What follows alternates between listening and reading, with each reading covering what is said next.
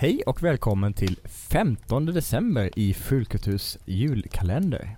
Eh, idag ska jag ta upp ett tips men först ska vi ta en fråga från er. Mm, precis, eftersom att det är tredje advent då Mm. så har vi.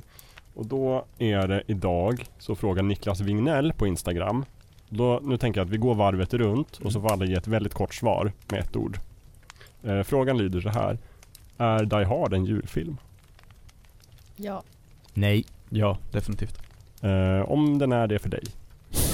Nej, jag får- Åh vilken cop-out! Nej, jag tänkte Cop hålla- out. jag Ord, tänkte Jakob. hålla Ja, en mening menade jag men ja. Det är bra om ni håller det korta, ni Ja drar ut på tiden så mycket annars. kanske. Det ska inte bli en diskussion, det var det jag menade. Lövet, rädda oss, ha en, öppna en lucka. Okej, jag ska rädda Jakobs cop-out med en eh, rekommendation. Det är faktiskt den andra YouTube eh, Premium eh, YouTube Originals eh, Det rekommendationen. blir mer och mer prisvärd den här tjänsten. Ja, Verkligen. Nu har man lärt sig allt. för varje det. decemberdag blir den mer och mer prisvärd. Eh, det, den här gången handlar om en dokumentär. Och det är dokumentären The Gift. The Journey of Johnny Cash. Oh. Eh, en, en dokumentär som, eh, chock, handlar om Johnny Cash. Nej men är det sant? Eh, eh, och det, är- det är en artist som jag har varit förälskad i sedan eh, eh, 99 tror jag. När jag skulle åka på en klassresa och en kompis sa eh, Jag är tröttnat på den här CD Walkman eh, nu har jag lyssnat för länge. Vill du lyssna på den här skivan? Tänkte bara Johnny Cash, är inte den där countryartisten? Eh, det var inte riktigt mitt gebit.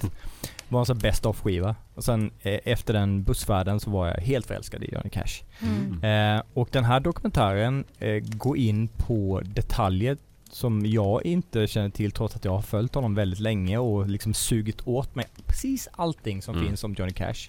Eh, tar den ändå upp en hel del detaljer som jag inte eh, lä- lärt känna tidigare.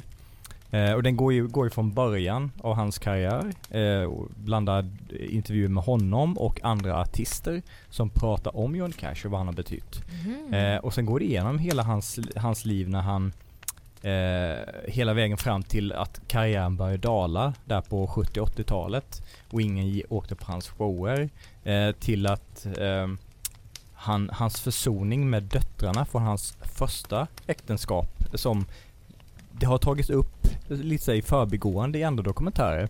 Eh, men det har inte, man, man har inte fått reda på så mycket om det.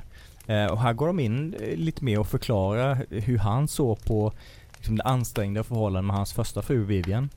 Eh, och, och döttrarna där. Och liksom hur han, han våndades över att han, han var iväg men han, han följde sin passion musiken och han, han kunde inte vara hemma. Och att de sen, eh, jag ska inte avslöja för mycket men liksom försoningen och hur, hur de hur förhållandet var senare i hans liv och karriär. Mm. Eh, och hur den belyser också hur han var de, de utstöttas förkämpe, de, Mm. de, eh, d- de i samhällets periferi eh, som inte riktigt representeras av någon annan. Eh, han, det var väldigt många sådana grupper, eh, både indianerna i USA, hur de hanterades, eh, Vietnam, eh, eh, kåkfarare eller liksom- Ja det är väl den Ja, mest det. kända hans liksom, Fängelsekunden. Mm. fan Mörd, seriemördare. Mysigt. Mm, mm. Men, eh, och eh, det tar de ju faktiskt upp att han eh, Ja, det ska jag inte gå in på. Men i alla fall, eh, må- många... eh, ni, ska ju, ni ska ju faktiskt ha en anledning att se den också. Men de tar upp många detaljer som jag tror att många inte har, har känner till, Mm. trots att de har följt Johnny Cash länge. Eh, och ja, den, det, är, det är en väldigt härlig känsla att- att titta på den här dokumentären. Eh, och så finns det lite bonusscener efteråt Mm. också. Där ska jag kolla härligt. på verkligen. Hade det inte varit för dig Lövet hade jag nog aldrig hittat den här Nej. dokumentären. Nej. För som sagt den ligger på Youtubes originals. Det är Mm. som att leta igenom hela Youtube. Jag, Exakt. För jag, jag, jag gillar också Johnny Cash jättemycket. Jag kan tipsa jättesnabbt om, om man gillar liksom känslo... Eh, inte stormar, men liksom lägen med Johnny Cash. Så han är inte själv med.